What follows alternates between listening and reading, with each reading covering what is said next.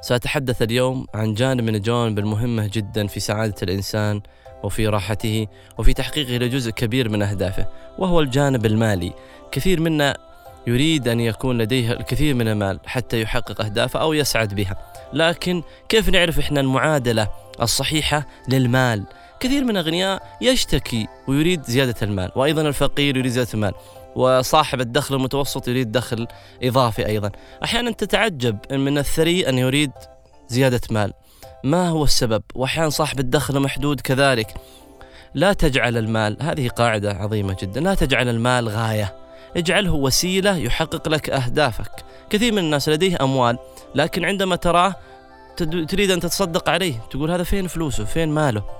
لابد أن يكون مالك هو سبيل لسعادتك ولتحقيق أهدافك ولتحقيق نجاحاتك ولتحقيق كل ما تريد منه ولماذا تجمع المال أو تتصدق به أو تساعد أحد إلى آخر من أهداف كثيرة لجمع المال دعوني أذكر لكم قاعدة ذهبية ايا كان دخل الإنسان يستطيع أن ينظم ماله من خلال هذه القاعدة. النقطة الأولى في القاعدة تقول المال ينقسم إلى ثلاث أجزاء. سد حاجة، ادخار واستثمار. اجعل جميع أموالك تحت هذه المعادلة.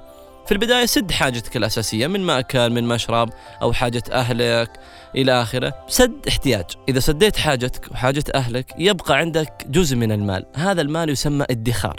ادخر هذا المال الخارج عن احتياجك الأساسي. بعد فترة هذا الادخار يصبح مبلغ جيد يستحق الاستثمار في أي مشروع كان. وهكذا تدور الدائرة المالية. سد احتياج أساسي ثم ادخار ثم استثمار.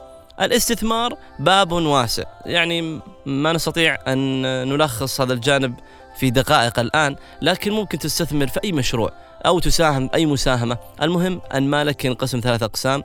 أن تسد به حاجتك وحاجة أهلك وأن تدخر هذا المال لوقت الضرورة وأيضا تستثمر هذا الادخار فيما يعود عليك بدخل مادي إضافي أيضا. يقول الرسول عليه الصلاة والسلام من أصبح آمنا في سربه معافا في جسده عنده قوت يومه فكأنما حيزت له الدنيا. انظروا إخواني وأخواتي يعني هذا الأمان وهذه الراحة أن تكون يعني في أمن وأمان ولديك قوت يومك وأن تكون معافى في جسدك هذه غاية السعادة للإنسان المؤمن.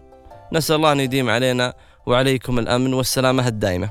النقطة الأخرى الهامة في موضوع المال المال ينمو بالصدقة.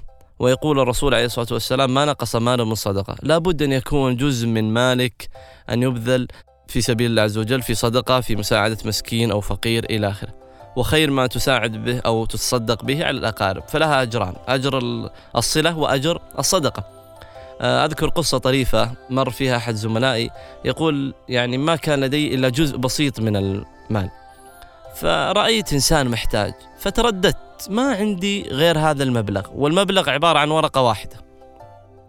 يقول ترددت في داخلي فتذكرت حديث الرسول صلى الله عليه وسلم ما نقص مال من صدقة. فقلت يعني مو معقول أنا أكذب الرسول صلى الله عليه وسلم ما نقص مال يعني ما راح ينقص مالك أبدا. يقول والله ممدوح دفعت المبلغ كامل وهو على قلبي يعني كان ثقيل ولكن تذكرت حديث الرسول صلى الله عليه وسلم وأردت أن أكون صادقا مع نفسي وأيضا مصدقا لرسولي عليه الصلاة والسلام. فدفعت هذا المال.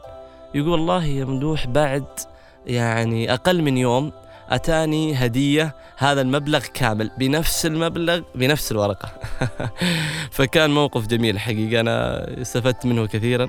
وكذلك أنتم نسأل الله أن يبارك لنا وإياكم في مالنا.